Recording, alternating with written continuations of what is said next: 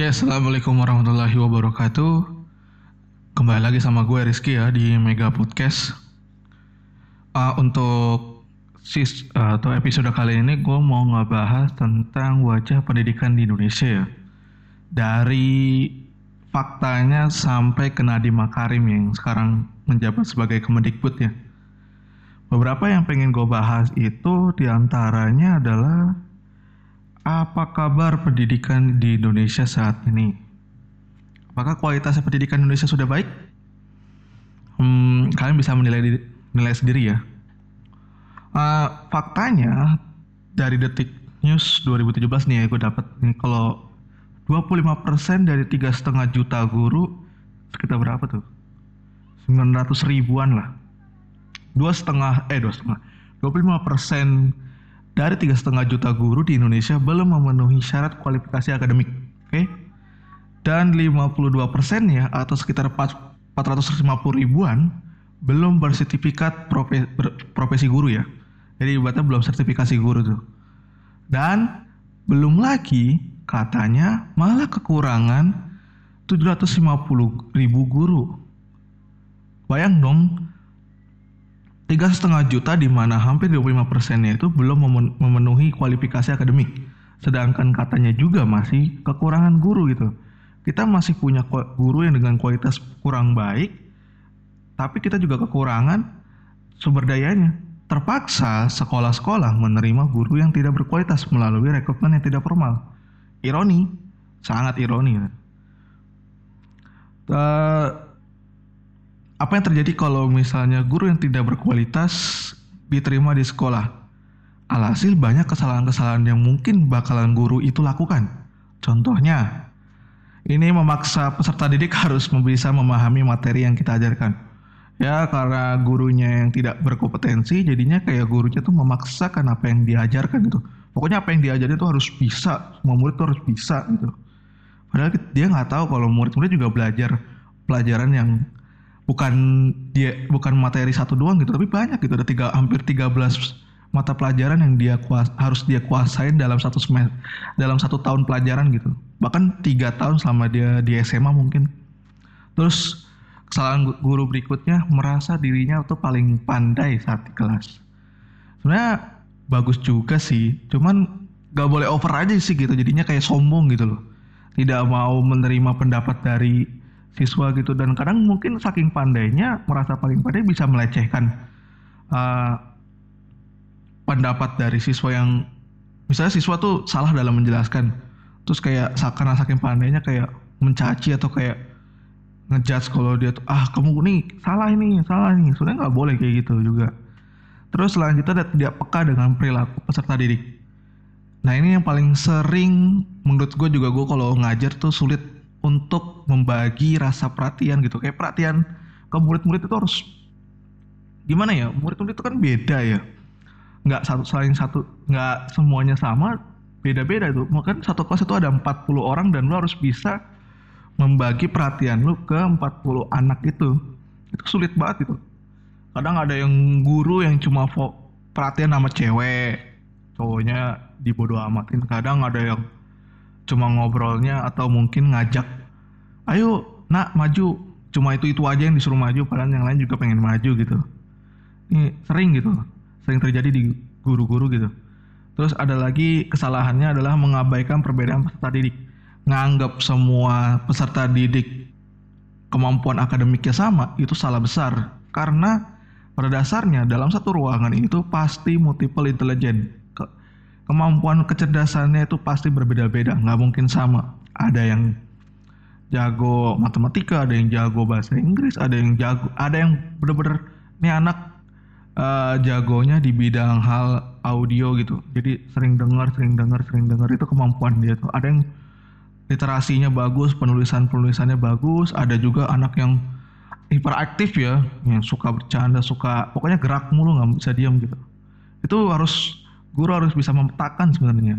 Gue kadang juga sulit buat uh, mengetahui kemampuan-kemampuan atau kema atau kayak hmm, gimana ya ya pendidikan eh gimana sih modelnya? Gue kadang sulit juga kalau mengetahui gimana caranya mengetahui kecerdasan dari setiap anak gitu. Karena memang banyak banget gitu 40 anak gitu. Terus yang terakhir adalah kesalahan guru ada tidak sadar memberikan contoh yang tidak tindakan yang kurang baik gitu uh, banyak kadang-kadang guru tuh gini ya. Mana ada sih siswa yang mau belajar gara-gara gurunya itu nggak baik? Banyak gitu. Banyak yang guru siswa tuh gara-gara malas belajar karena tindakan-tindakan gurunya itu yang kurang baik gitu. Sederhananya gini. Lu pernah gak sih ada guru yang ngajar cuma ngeliatin papan tulis doang nggak pernah meratin muridnya? Ada tuh di situ tuh kadang gue kalau waktu jadi murid gue juga pernah ngalamin kayak gitu. Gue kalau jadi murid ya gue nggak bakal mau lah jadi dia. Nggak bakal mau belajar kayak gitu. Karena kayak gitu jadinya. Depan papan tulis ngajarin tapi ngeliatin papan tulis doang tapi nggak pernah merhatiin peserta didiknya gitu loh. Itu contoh yang kurang baik sebenarnya. Terus ada lagi guru yang ngajakin ngerumpi, ngegosip. Terus ada lagi juga gue waktu SMP ada yang malah kan kayak membahas ngejurus-jurusnya tuh baunya bau porno gitu tuh. Malas banget gitu kata Tapi kayak gitu malah kayak gimana ya? Jadi budaya bagi mereka tuh mungkin jadi kebiasaan gitu. Padahal itu juga contoh yang kurang baik gitu.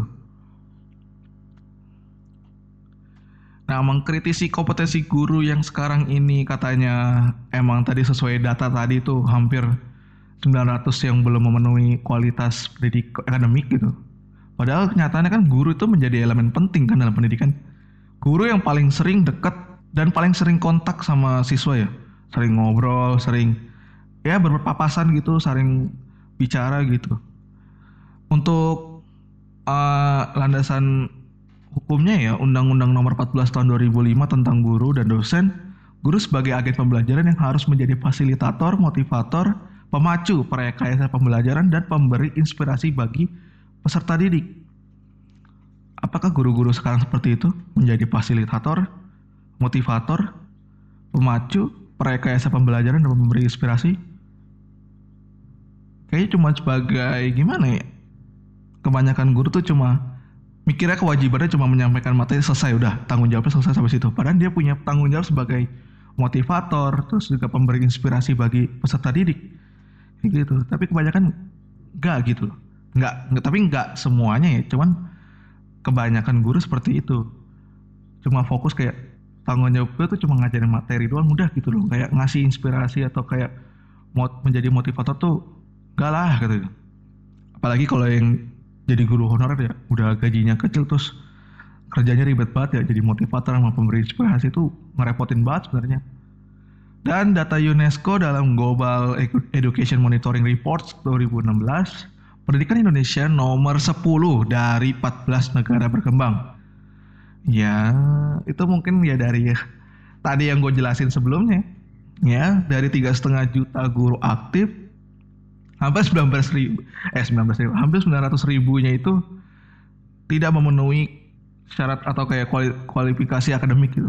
Ironis. Uh, mengungkap penyebab rendahnya kompetensi guru ini terutama yang sudah punya uh, sertifikasi atau mungkin eh maksudnya ini kayak mungkin ini beberapa guru yang sudah mempunyai sertifikasi tapi masih tetap mempunyai uh, kuali, kuali, kualifikasi kompetensi yang rendah. Itu penyebabnya bisa jadi satu ketidaksesuaian disiplin ilmu. Ya udah jangan heran lah ada temen senior gue yang di basicnya belajar elektronika tapi disuruh ngajar olahraga. Tem senior gue ada yang disiplin ilmu waktu kuliahnya jadi pendidikan fisika tapi ngajar biologi. Ya macam-macam lah kayak gitu.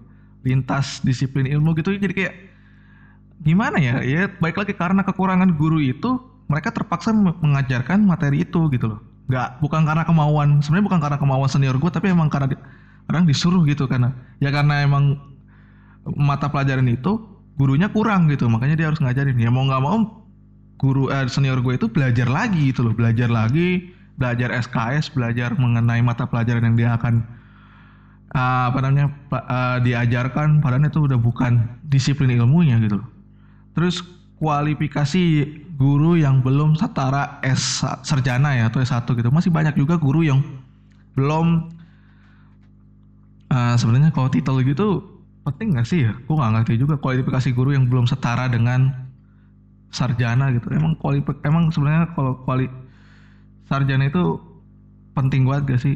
Kalau menurut gue sih pribadi bisa penting karena ya lu kalau sarjana lu diajarin tentang kompetensi kompetensi guru dong, diajarin tata cara menjadi guru yang baik, memilih apa namanya memilih bahan materi yang baik, memilih cara model-model pembelajaran yang baik atau kayak pendekatan pembelajaran yang baik atau kayak media yang baik itu diajarin waktu sarjana. sarjana. Kalau sebatas SMA lu ngajar lulusan SMA ngajar SMA juga ya mungkin bisa kalau lu belajar singkat cuman ya tetap aja namanya rasa guru yang udah S1 sama rasa guru yang belum S1 tuh ketahuan gitu loh. Terus program profesi berkelanjutan atau PKB ini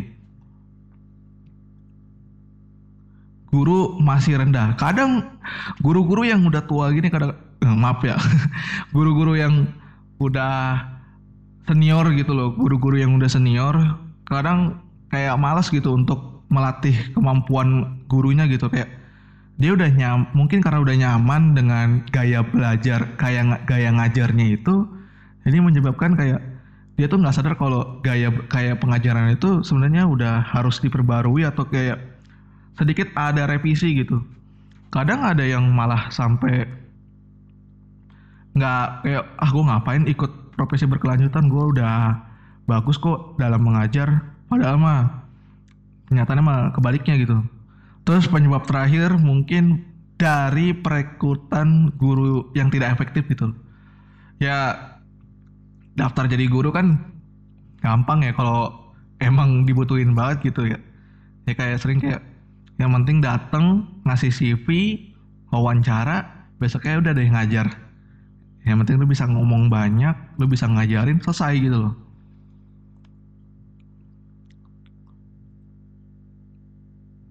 Oke ini gue masuk ke oke tadi sebelumnya kita udah bahas tentang uh, Tadi kan kita dapat data dari UNESCO mengenai Indonesia itu peringkat 10 dari 14 negara berkembang tentang pendidikannya ya.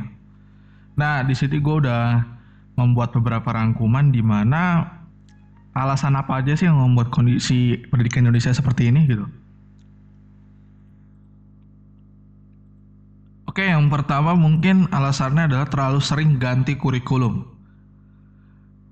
Kemendikbud atau Kementerian Pendidikan dan Kebudayaan udah 11 kali ganti kurikulum pendidikan nasional. Itu range-nya dari 1947 sampai 2013. Itu yang terbaru K13 ya. Sebenarnya bagus ya penyesuaian gitu loh dari zaman ke zaman. Uh, tapi kalau dilihat-lihat itu terkesannya tuh tergesa-gesa dan terburu-buru gitu. Bahkan dalam pengaplikasiannya banyak guru yang belum siap gitu dan cenderung kaget gitu dengan perubahan drastis dari kurikulum yang dulu KTSP itu ke K13. Benar, banyak guru yang ngerasa kayak ini terlalu terburu-buru gitu, langsung klub langsung dipakai gitu untuk tahun ajaran yang baru gitu. Terus kurangnya kegiatan literasi. Uh, sebenarnya bangsa Indonesia bukan malas baca ya, cenderung bukan karena malas baca, tapi karena kurangnya akses untuk mendapatkan pengetahuan, terutama kayak buku gitu. Kita nggak bisa nyalahin masyarakat karena mereka malas baca. Buktinya banyak kok yang anak-anak di pelosok gitu yang senang baca buku, bu, senang baca buku karena dia dikasih bukunya gitu. Bukunya dianterin ke mereka, bukan mereka yang deketin buku, tapi buku yang deketin mereka gitu loh karena kurang akses mendapatkan buku dan lebih sering baca artikel gitu. Karena kan kalau artikel tuh kan lebih gampang didapatkan ya. Kita tinggal buka HP, terus kita pilih apa artikel kayak berita-berita apa yang pengen kita baca, udah kita tinggal baca aja. Apalagi banyak artikel-artikel yang udah sampai ke media sosial gitu. Karena lebih mudah diakses doang sih sebenarnya. Buku-buku yang di perpustakaan gitu banyak tapi jarang gitu dia publish gitu ke murid-murid gitu kayak guru ngomong nah ayo kita belajar di perpustakaan gitu. Supaya apa? Biar mereka tuh uh, familiar dan terbiasa gitu di perpustakaan. Perpustakaan kan di, di sekolah-sekolah kan cenderung sepi gitu. Uh, rame karena biasanya satu uh, tempat pelarian gitu. Pelarian dari aku ah, malas ah masuk kelas bu ini pak ini malas ah. Terus dia ngumpet di perpustakaan. Atau alasan nyari buku gitu. Padahal mah emang pengen ngumpet aja gitu di situ. Terus kalau enggak siswa banyak yang ke situ ya karena disuruh gitu loh. Terus ada lagi jarang gitu ada momen kayak kenapa kamu di perpustakaan? Karena emang saya suka baca buku. Nggak ada. Paling perpustakaan isinya dikit gitu loh. Kayak paling cuma penjaganya doang atau itu penjaga perpustakaannya doang paling yang sering di situ gitu. Paling kalau lewat masuk kayak tukang kantinnya doang masuk gitu. Aneh. Harusnya bukunya yang dikasih ke murid-murid ya tapi alhamdulillah katanya Kemendikbud udah mau udah udah ngelaksanain yang namanya kayak program literasi gimana kayak tiap minggu itu bakal dikasih satu buku dari perpustakaan untuk mereka baca dan mereka nggak sekedar baca mereka menulis reviewnya gitu loh. Jadi kayak di akhirnya tuh mereka menulis review dan dikumpulkan tiap minggunya gitu. Tiap minggu membaca buku yang berbeda-beda dan yang sesuai dengan uh, jenjangnya gitu loh. Dan itu dikasih setiap murid di seluruh sekolahnya di kelas 10, 11, 12 dan tiap minggu itu akan dikasih uh, dipinta reviewnya gitu. Nah, itu bagus sebenarnya. Kayak men menumbuhkan rasa uh, kegiatan baca membacanya gitu. Walaupun ibaratnya masih gimana gitu harusnya juga bisa ke perpustakaan itu tapi nggak apa-apa lah.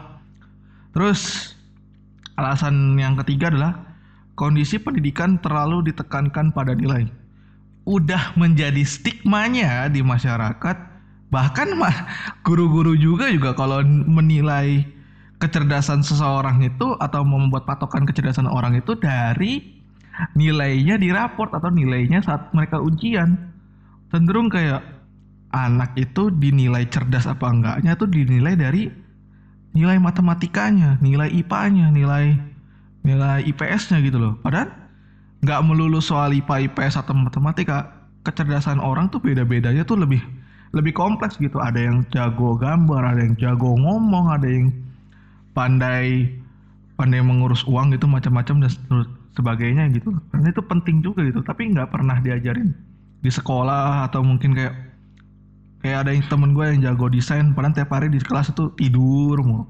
Kadang gurunya ada yang mungkin kayak guru-guru yang kurang paham kayak menilainya tuh kayak anak yang malas gitu. Padahal enggak gitu loh. Terus alasan yang keempat tidak mendidik anak untuk kreatif gitu.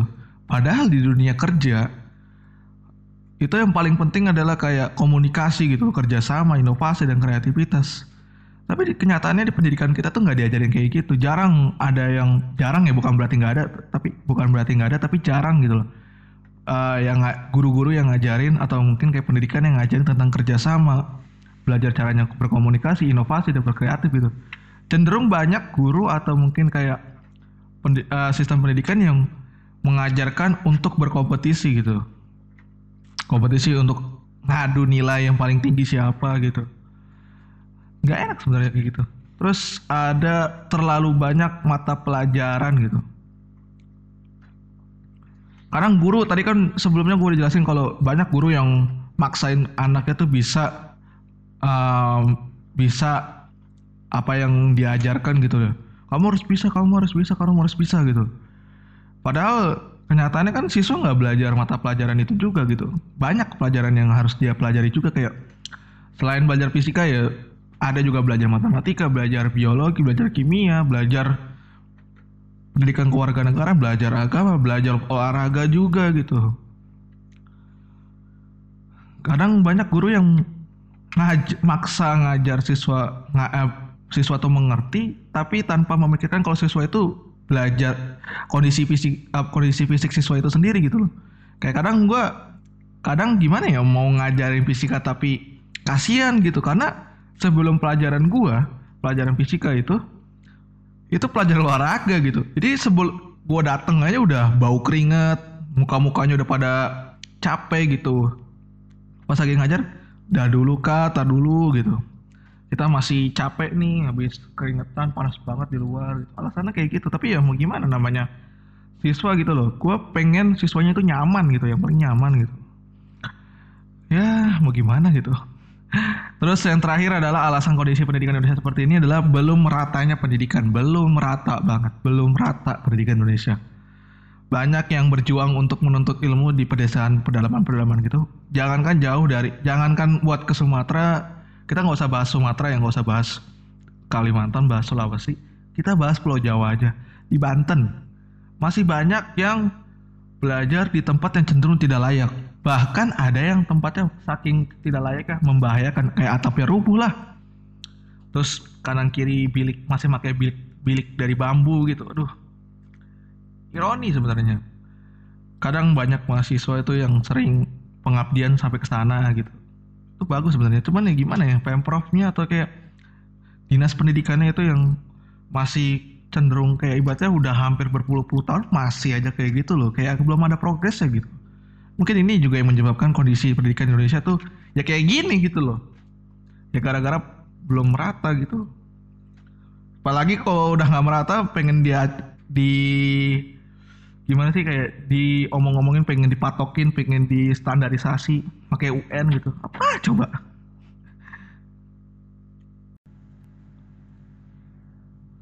Oke. Sekarang masuk ke segmen bimbingan belajar ya. Bukti pendidikan sekolah buruk atau enggak? Ini yang menjadi sering pertanyaan gitu. Karena kenyataannya adalah bimbel itu tempat uh, kayak banyak orang yang bilang kalau bimbel itu sebagai pelengkap gitu Tapi kita kita lihat dulu aja nih ini gimana nih.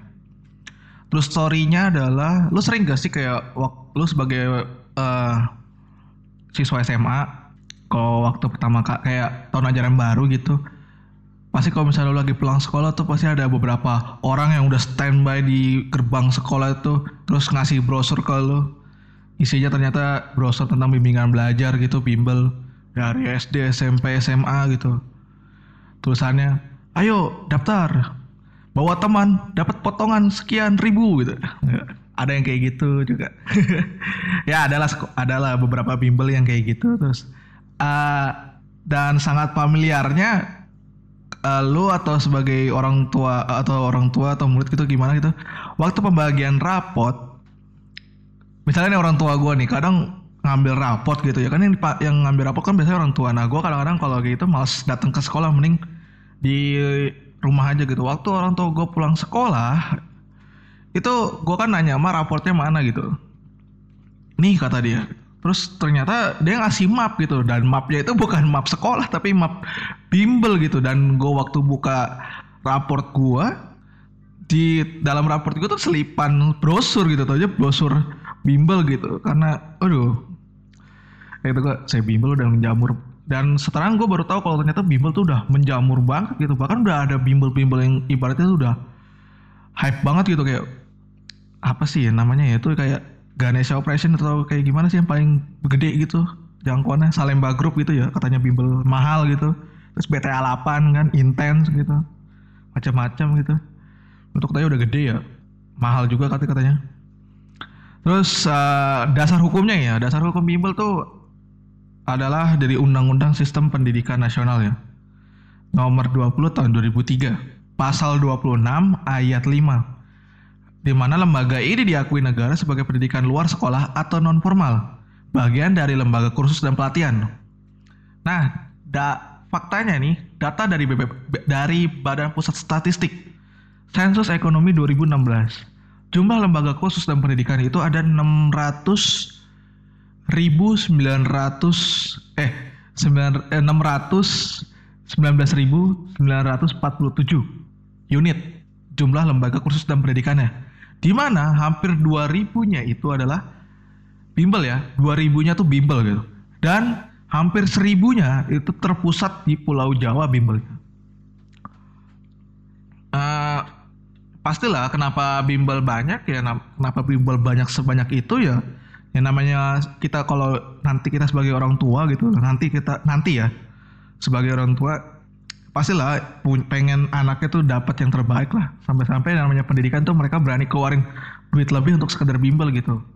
Dengan harapan anaknya tuh bisa meraih prestasi setinggi tingginya apa yang mereka mau gitu. Ya dan juga emang kadang sering juga siswa yang ngerasa kurang gitu belajar di sekolah kayak ada beberapa yang mengatakan kalau di belajar di sekolah itu cukup tapi ada yang mengatakan kalau di sekolah itu juga kurang. Entah apa yang mereka uh, capai gitu tapi intinya kalau ada beberapa yang ngerasa nggak ngerti dengan materinya itu karena kemampuan mereka atau mungkin dari cara mengajarnya guru itu. Kayak masih sekarang gini ya kayak lu lagi bela lu jadi jadi murid deh lu misalnya ditanya paham anak-anak? Lu pasti diem. Biasanya diem gitu loh diem. Padahal nggak ngerti gitu. Ada yang nggak ngerti diem gitu loh. Nggak ada yang ngomong pas saya nggak ngerti. Malu gitu loh. Malu-malu tidak tahu gitu yang sampai sekarang tuh masih banyak yang kayak gitu. Gue kadang-kadang kalau lagi ma magang kayak gitu udah tanya ada yang nggak ngerti nggak? Udah nggak apa tanya aja. Diem aja. Ngerti nggak? Diem aja. Waktu gue tes bilang kagak tahu. Aduh. Bagaimana ini? Uh, beberapa testimoni ya. Eh, ini kalau ikut bimbel pasti ada beberapa testimoni di belakang brosurnya gitu bilang testimoni dari anak ini namanya Agus. Ya. siapa pun Agus itu gue nggak nggak bermaksud untuk melecehkan namanya Agus. Namanya Agus siapa gitu? Nilai UN-nya anak SMP UN-nya 39,9 gitu dari dari empat pelajaran. Testimoninya bimbel tempat bimbelnya asik fleksibel ramah adem ada AC-nya caranya cepet-cepet dan asik gitu. Nah itu kan beberapa testimoninya ya. Gue sudah merangkum beberapa testimoni yang udah gue cari-cari ya. Kubek-kubek di gue udah gali-gali di internet kalau beberapa testimoninya tuh kayak bilang bimbel itu dan bimbel tuh dan sekolah tuh saling melengkapi ya. Ibarat kayak sekolah tuh makanan utama dan bimbel tuh suplemennya. Terus ada yang bilang bimbel itu membantu meningkatkan pemahaman. Ya oke. Okay. Lebih fleksibel dan lebih ramah Ya iyalah, kelas bimbel cuma berapa sih? Cuma 10 paling banyak 15 orang gitu lah. Sekolah 30 orang, hampir 40 orang. Coba kalau guru-guru bimbel ngajar di kelas sekolah sampai 40 orang. Blenger kali itu orang. Terus cara praktis ya, yang paling menjual dari bimbel itu yang paling menjual itu adalah cara praktis, cara super kilat gitu, trik kilat gitu loh. Trik Hatta Halilintar gitu. Nah, siap cara dewa gitu. Gimana itu cara-cara gimana kita mengerjakan soal atau latihan-latihan soal itu dengan cara yang sangat cepat dan nggak perlu eh, nggak perlu rumus yang ribet-ribet gitu dan nggak sesuai konsep gitu yang penting dia bisa jawab dengan cepat gitu. Dan yang tidak ada di sekolah tapi ada di bimbel itu adalah bimbingan masalah perguruan tinggi negeri untuk anak-anak SMA ya. Itu karena penting banget sebenarnya bagi gua.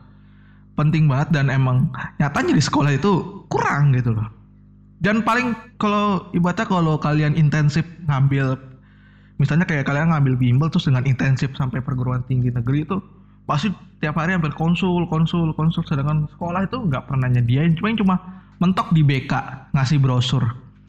Dan guru di sekolah juga masih kurang banyak wawasan tentang perguruan tinggi negeri di cara masuknya jalurnya apa aja ada beasiswanya apa enggak masih kurang sebenarnya. Kayak gitu. Terus kayak cuma sekali doang kadang-kadang sekolah menyediakan motivator menjelaskan tentang perguruan tinggi negeri menjelang UN kayak gitu. Ya lanjut aja. Terus seberapa perlunya sih nggak lu ikut bimbel gitu? Oke lah kalau kenyataannya lu di sekolah gurunya kurang kompeten kurang jelas ngajarin. Nah lu ikut bimbel supaya ada peningkatan pemahaman lu karena kualitas pembelajaran di sekolah lu buruk. Oke oke aja. Kalau emang lu di satu sisi lu sanggup karena waktunya. Waktu lu nggak nggak banyak terporsir karena les atau bimbel gitu. Terus yang kedua karena lu sanggup untuk biayanya. Karena yang namanya bimbel sekarang nggak murah gitu loh. Kenapa nggak murah? Kayak gini loh. Nih gue gue pernah gue hampir searching searching loh harga harga bimbel gitu loh. Harga bimbel itu tadi Ah, ini ya untuk bimbel nih. Walaupun bimbel sebenarnya mahal tapi gak sepi peminat gitu loh. Adalah 100 200 orang gitu ikut bimbel gitu. Ini contohnya kayak Ganesha Operation gitu. Pendaftaran 200 ribu. Biaya SPP-nya tuh dari 7 juta sampai 10 juta lebih gitu. Itu setahun ya dan itu bisa dicicil gitu. Bisa dicicil tuh bayangin. Udah kayak ngangsur beli apa gitu. Terus Nurul Fikri, Nurul Fikri ya pendaftaran 200 ribu biaya dari 3 juta untuk SD sampai 8 jutaan untuk SMA yang intensif SBMPTN dan bisa dicicil gitu.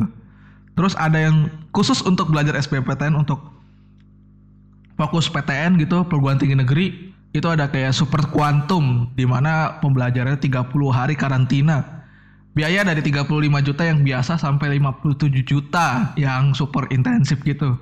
Terus ada smart quadrant.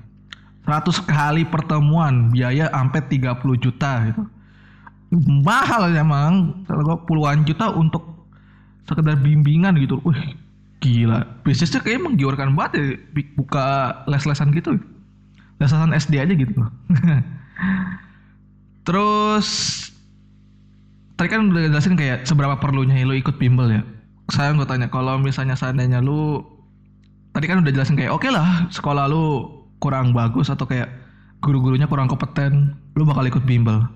Tapi kalau misalnya ada sekolah megah, fasilitas mewah, fasilitas lengkap, guru-gurunya kompeten dan guru-gurunya ramah. Lu bakal masih mau ikut bimbel? Mungkin ada yang bilang enggak.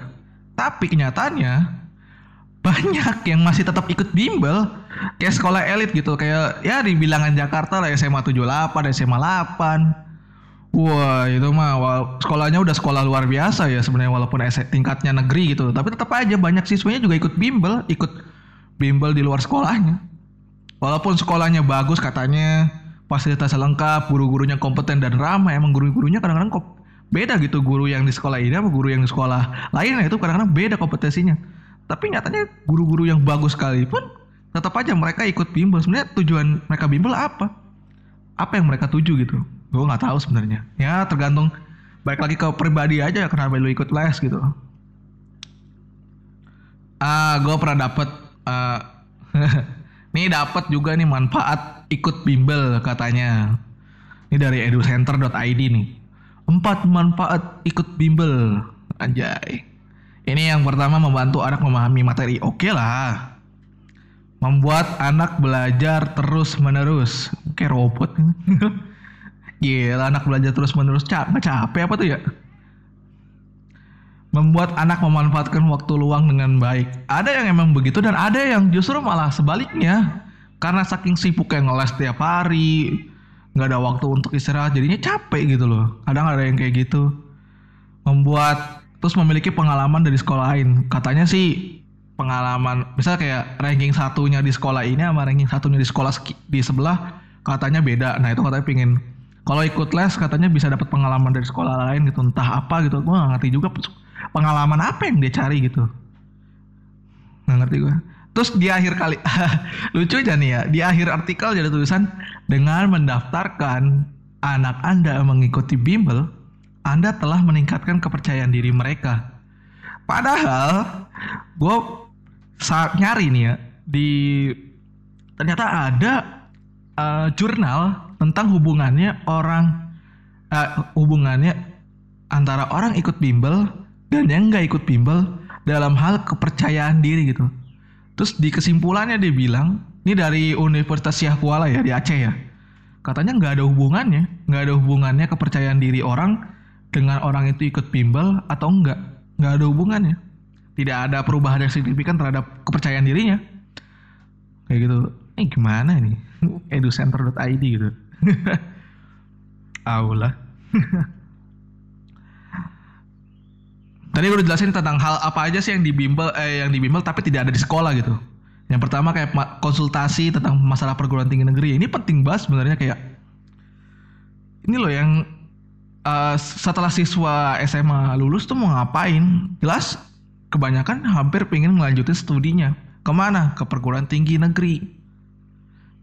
Nah, mereka harus punya informasi-informasi apa aja sih, gimana sih caranya masuk perguruan tinggi negeri? Apa aja sih caranya?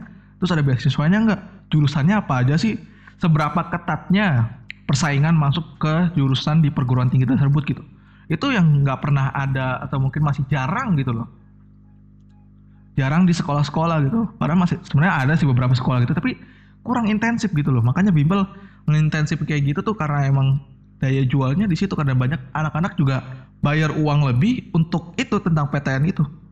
Bukan sekedar nilai UN bagus aja sih sebenarnya. Itu yang menjadi nilai jual bimbel gitu.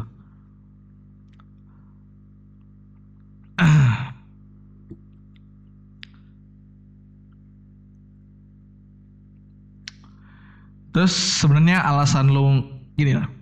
kenapa sih ada bimbel gitu? Alasan bimbel tuh adanya bimbel tuh apa sih sebenarnya Uh, alasan idealnya kan kayak gini ya. Ada bimbel tuh membantu meningkatkan kualitas pendidikan di sekolah. Kalau lu nggak ngerti di sekolah kan lu bisa ikut bimbel gitu. Uh, ya itu alasan idealnya ya. Alasan kenyataan kenyataannya ya alasan realistisnya ya karena butuh duit gitu loh. Karena emang karena emang namanya bimbel orientasinya itu adalah laba. Kalau nggak ada keuntungan ngapain dibikin bimbel gitu loh. Terus nyatanya kan ada yang bilang alasan idealnya kan tadi kan adanya bimbel membantu meningkatkan kualitas pendidikan Indonesia, Indonesia pendidikan di sekolah. Kenyataannya pemerintah sulit memetakan kualitas sekolah kalau siswanya juga ikut bimbel. Kayak gitu. Maksudnya kayak gini kayak sekolah bikin UN untuk memeta, uh, dapat uh, gambaran atau memetakan kualitas sekolah yang ada di Indonesia. Tapi siswa itu juga pasti kan belajar di, di bimbel. Nah itu merus uh, ibaratnya tidak tidak sahih jatuhnya. Jadi kayak siswa tuh nggak nggak full murni belajar di sekolah gitu. Ada juga belajar di bimbel. Jadi pengetahuan pengetahuan siswa itu ada yang dapat dari bimbel. Bukan dari sekolah aja. Harusnya di kalau misalnya nggak ikut bimbel kan jadi kan jadi lebih sahih aja sih data untuk pemetaan uh, kualitas sekolahnya itu. Nah tadi gue kayak bisnis bimbel gitu kayak udah kayak kacang goreng gitu loh. Kayak lu tukang cappuccino cincau gitu ada di mana-mana di pinggir jalan gitu apalagi kalau di Jakarta ya lokasi bimbel tuh biasanya deket sekolah gitu. Uh, kenapa bisa menyambur sampai bikin cabang-cabang kayak gitu kan? Cabang misalnya kayak Nurul Fikri cabang Jakarta Barat Jakarta Timur gitu. Kenapa banyak dijadiin bisnis gitu? Ternyata menggiurkan. Gue pernah dapat sit gue pernah baca situs bukan baca sih tadi malam ya. Baca situs tujuh alasan kamu membuka bisnis bimbel yang satu, karena pendidikan itu kebutuhan. Ya karena kebutuhan pasti banyak yang nyari dong. Mau dari yang kecil, mau yang yang gede gitu. Pendidikan itu penting banget menjadi kebutuhan gitu. Modal yang kedua adalah modal ringan gitu. Modal ringan katanya, cuma bayar buat bayar di awal tuh cuma kayak buat penyewaan tempat ngajar sama guru-guru gitu. Guru juga belum langsung dibayar itu, pasti di training dulu baru dibayar gitu. Terus yang ketiga adalah pasarnya luas. Luas banget. SD bisa, SMP bisa, SMA bisa, bahkan TK aja bisa gitu. Terus ada lagi yang katanya uh, kayak bimbel sempoa gitu. Itu anak kecil umur 5 tahun, 4 tahun gitu. Kayak luas banget gitu. Terus yang keempat alasannya adalah mudah dijalankan. Yang terpenting adalah tempat, ada tempat, ada guru, ada murid dan muridnya mengalami peningkatan lewat apa ujian kayak atau kayak latihan-latihan dan kayak tes-tes gitu kan tandanya kalau siswa ngerti kan ada peningkatan gitu loh. Yang kelima adalah keuntungannya pasti. Ya pastilah. Sebelum siswa belajar atau murid-murid belajar di bimbel ya jelas mereka bayar dulu dong. Itu udah pasti banget. Nih ya hitung-hitungannya nih ya. Hitung-hitungannya. Misalnya gue bikin tempat les.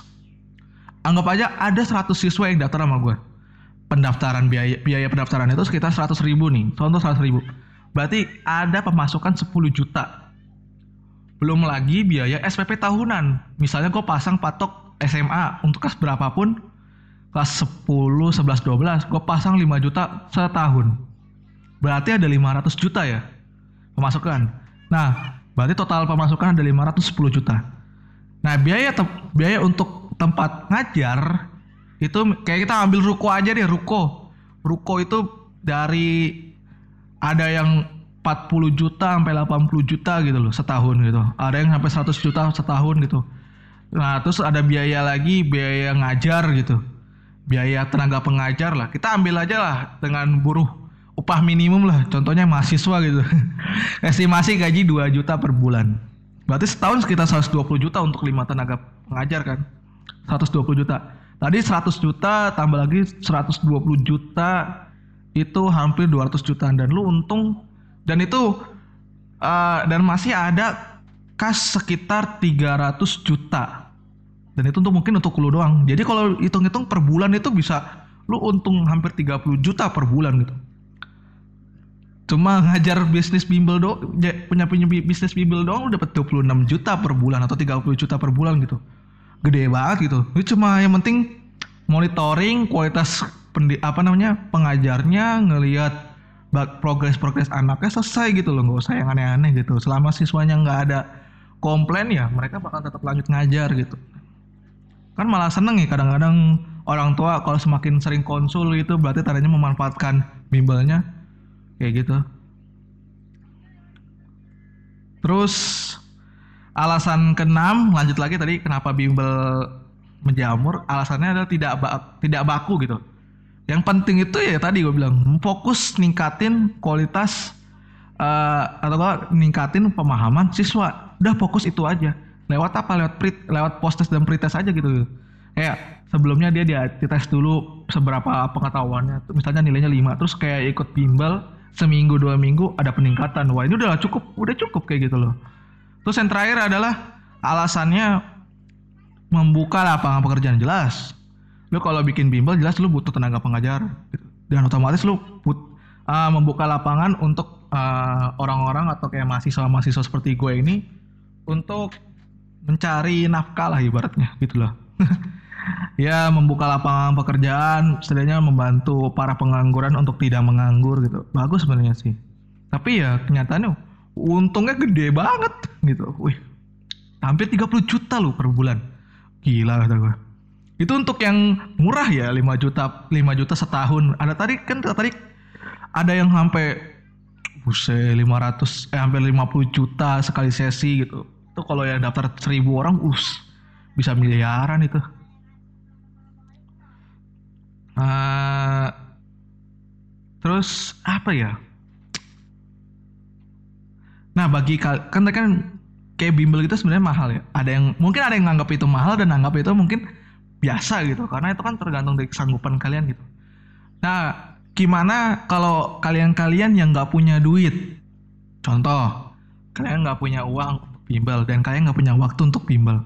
Tapi kalian ingin dapat yang namanya kayak trik-trik latihan untuk UN, trik-trik SBMPTN, ya entah apa pun gitu SNMPTN lah, jalur undangan kayak jalur SBMPTN tentang simak UI lah, tentang utulu game lah, tentang stan atau apa gitu stis gitu. Caranya gimana? Lu dapat tetap dapat informasi-informasi penting tapi lu nggak punya duit. Banyak caranya. Lu tinggal searching aja di Google. Kayak Pak Anang gitu panang.com gitu terus kayak Fisika Study Center atau macam kayak Kimia Study Center gitu kayak kayak situs pengen kuliah tuh tuh situs gratis di mana lu bakalan kayak sering dapat konsultasi mengenai SBMPTN gitu banyak kok sebenarnya kayak uh, official lain gitu yang ngajak tiap minggu tuh ada latihan soal SBMPTN, soal UN gitu. Terus ada lagi kayak lu ikut grup-grup gitu. Kalau gue dulu tuh karena gue nggak ikut les, kan gue nggak tahu apa-apa soal perguruan tinggi negeri ya. Gue nggak tahu tapi gue pengen kuliah gitu. Dan itu gue caranya adalah ikut grup-grup yang ada di Facebook.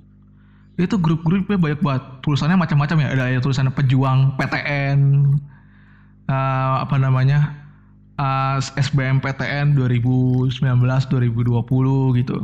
Pejuang atau kayak semangat veteran SBM PTN 2019 cari aja di grup-grup yang ada di Facebook itu. Banyak banget. Dan itu bakal bakal banyak yang bikin postingan macam-macam sih. Ada yang lucu ada yang emang serius. Kadang ada yang nanya-nanya soal perguruan tinggi negeri gitu.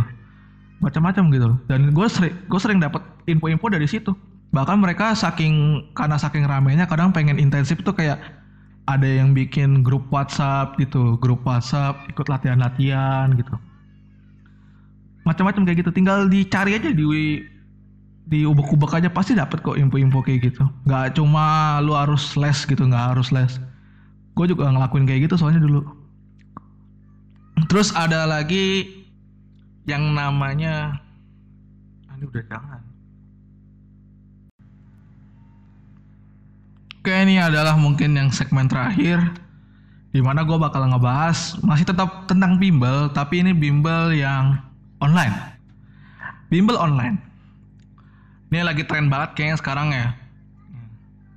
Belakangan ini lagi tren yang namanya pembelajaran berbasis online kayak bimbel online ya lu bisa sebutin lah satu-satu Kuiper, ruang guru, Genius dan lain-lain gitu. Uh, contohnya nih kayak Kuiper nih. Kuiper itu merupakan ya asalnya asalnya dari Inggris ya. Masuk ke Indonesia itu sekitar tahun 2015. Dan Indonesia bukan negara pertama di Asia, tapi negara uh, Filipina yang pertama sebelum sebelum ke Indonesia. Nah, bimbel Kuiper ini awalnya cuma 350 user pertama kali itu. Terus sekarang udah banyak sampai 5 juta user gitu. Tanggapan gue ya berarti sebenarnya bagus. Gue lebih setuju bimbel online daripada bimbel apa sih namanya? Kadang ya kalau gue ngerasa sih kayak mending bimbel online gitu karena nggak nyita waktu banget dan nggak terlalu ngurus waktu gitu karena fleksibel lebih fleksibel lagi daripada bimbel gitu lebih fleksibel karena itu ada di HP lu, lu bisa buka kapan aja ya kapan yang lu mau. Dan nggak terfokus sama waktu gitu lu bisa buka tengah malam lu bisa buka lagi pagi-pagi gitu. Dan kayaknya emang materinya juga lumayan lengkap dan sangat interaktif gitu loh ada animasinya juga.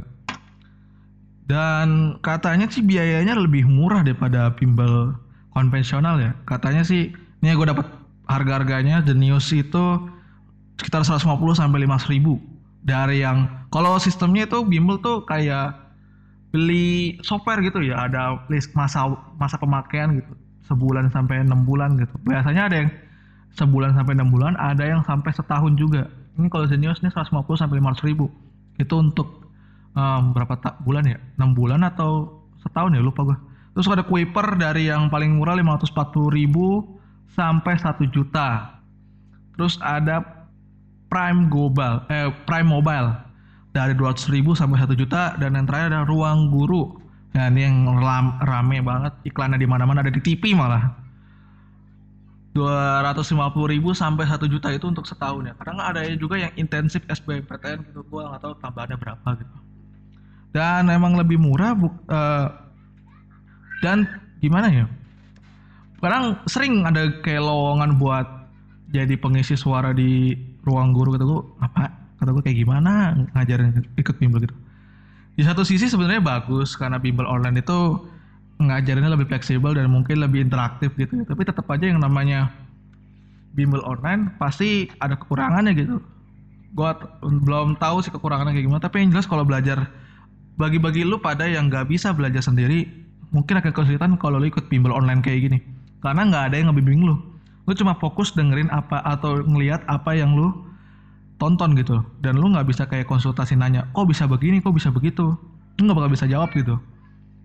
Nah itulah kelemahan di bimbel online menurut gue ya kayak kurangnya pak kayak bata tuh kayak pengawasan atau kayak pembimbingan dari gurunya tuh kurang itu yang penting cuma kayak ngasih materi selesai gitu loh. Dan harus tetap pakai bimbingan guru sebenarnya kayak mungkin kayak belajar dari Kuiper atau dari ruang guru habis itu lu mungkin ke sekolah tanya pak kok kayak gini gini gini gini yang saya dapat dari materi bimbel online gitu? Nah lu jelasin lu tanya-tanyain aja kayak gitu. Nah sebenarnya di akhir kesimpulan kayak gini oh ya belum belum sorry sorry kelewatan. Kayak yang ini adalah sebenarnya bimbingan online nggak cuma itu doang kayak Kuiper, Genius, Ruang Guru gitu itu enggak enggak karena pemerintah punya juga bimbel online yang namanya rumah ba rumah belajar. Itu semacam kayak sekolah maya ya. Dan bisa diakses di situsnya belajar.kemendikbud.go.id. Rumah belajar ini merupakan sekolah maya hasil kerja sama pemerintah dengan Microsoft Indonesia sejak 2013.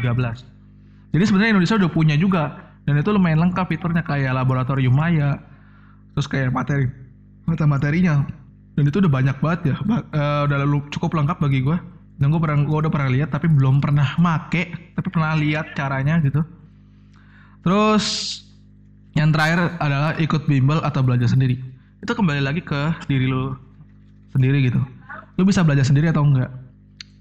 Ikut bimbel bukan eh, nggak ada yang ngelarang lo ikut bimbel tapi lo pikir-pikir lagi sebelum lo ikut bimbel alasan lo ikut bimbel tuh apa itu harus lo perkuat jangan karena paksaan dari orang tua gue benar-benar nggak setuju kalau kayak gitu kalau lu bisa belajar sendiri, is oke okay, lu uh, cukup belajar dari sekolah dan lu gali informasi lu sendiri dari internet atau dari buku-buku. Lu datangnya ke perpustakaan nasional gitu atau kayak ke mana gitu yang sumber belajar gitu, macam-macam gitu.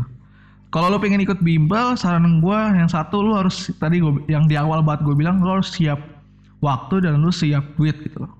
Karena kenyataannya kalau lu belajar terlalu banyak, efeknya banyak banget. Ini gue dapat penelitian dari D. Sharon Wheeler ya.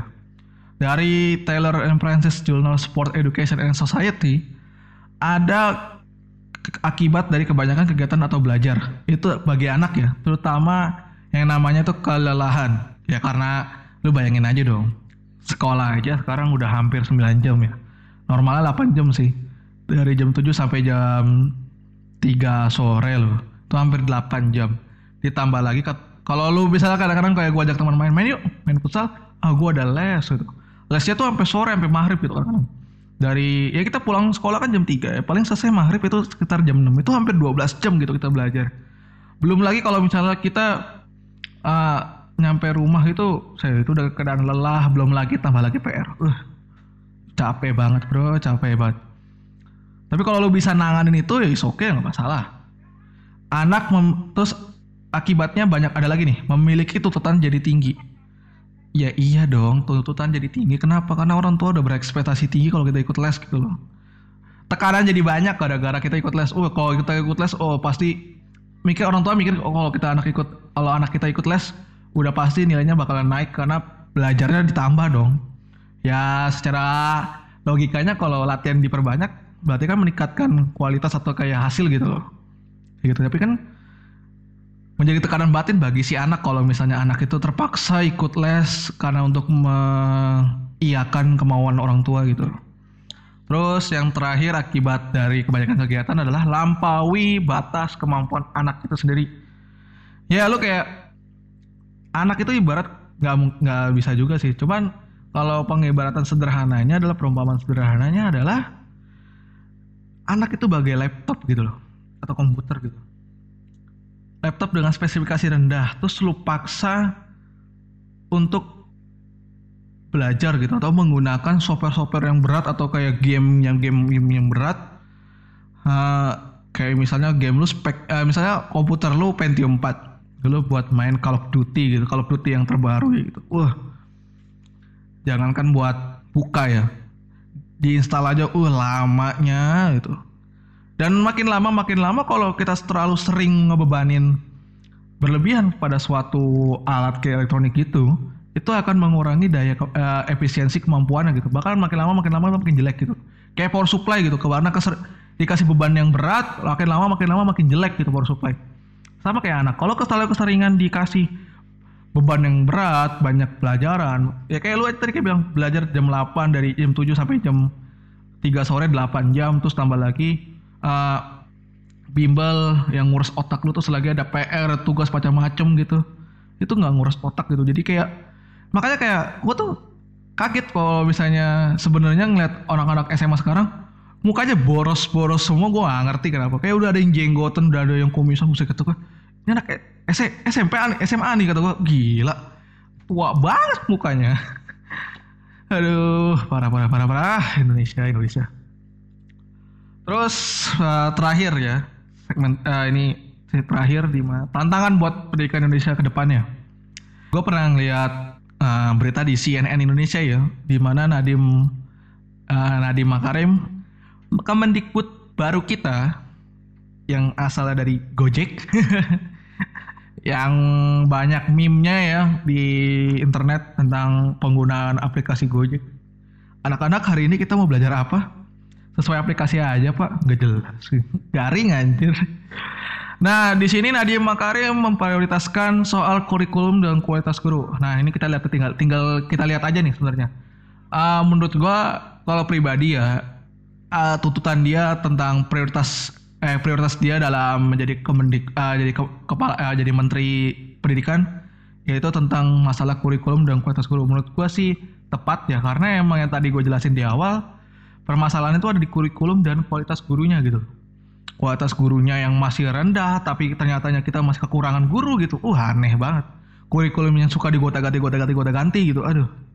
Parah parah Nah kita lihat siapa tahu Nadiem Makarim bisa membuat gebrakan baru ya, di mana dia bisa atau mungkin merevisi dan memfiksasi kurikulum yang sekarang dan meningkatkan kualitas guru entah gimana pun caranya. Dan juga jangan lupa sebenarnya bagi gue tuh pesan gue bagi Pak Nadim jangan lupa untuk ngurusin yang namanya kesejahteraan guru yang namanya guru itu kan ibaratnya dia ngajar bukan sekedar ngajar ya dia juga bertanggung jawab di akhirat gitu. Dia butuh jelas kalau ngomongin pahala ya pahala dapat kalau lu ngajar sebagai orang guru. Tapi juga lu ingat loh dia ngajarinnya bukan ngajar di akhirat tapi ngajar di dunia butuh duit lah. Guru-guru ya ngomong kayak pernah ada berita Vice di, di Vice Indonesia gitu ngomong kalau minta maklumin guru gaji kecil dengan dapat pahala banyak. Kata gue saya parah banget ya pemerintah nyuruh guru maklumin gitu gaji kecil kata gue ih masih eh, apa namanya sedih banget itu kayak gimana ya? Ngelihatnya aja gitu uh gedek banget gue dengan berita kayak gini. Tapi mau gimana ya? Guru kan ngajar di dunia bukan ngajar di akhirat. Ya mereka butuh duit buat makan gitu. Kesejahteraan guru kan penting gitu loh. Karena guru yang berkualitas juga karena guru sejahtera gitu loh. Di luar negeri guru sejahtera gitu loh. Sedangkan di sini mau uh, nggak ada yang mau jadi guru gitu loh itu sebabnya makanya guru eh, di sini kekurangan guru gitu loh. Ya mungkin sampai situ aja sih uh, pesan gue dan pembahasan kita untuk episode kali ini kurang lebihnya mohon maaf. Kalau kalian ada komentar atau apa bisa ya komen lah. Tapi gue nggak tahu cara komen di Spotify kayak gimana. Mungkin itu aja sih untuk pembahasan berikutnya. Gue sebenarnya mau re kayak request aja sih kayak pembahasan berikutnya apa pembahasan berikutnya apa. Gue kadang-kadang juga bingung sih nentuin topik yang gue sukai sih topiknya kayak gini tentang pendidikan gitu. Oke terima kasih yang udah mau dengerin podcast gue saat ini kali ini dan terima kasih buat kalian yang udah mau dengerin. Uh, thank you. Uh, bye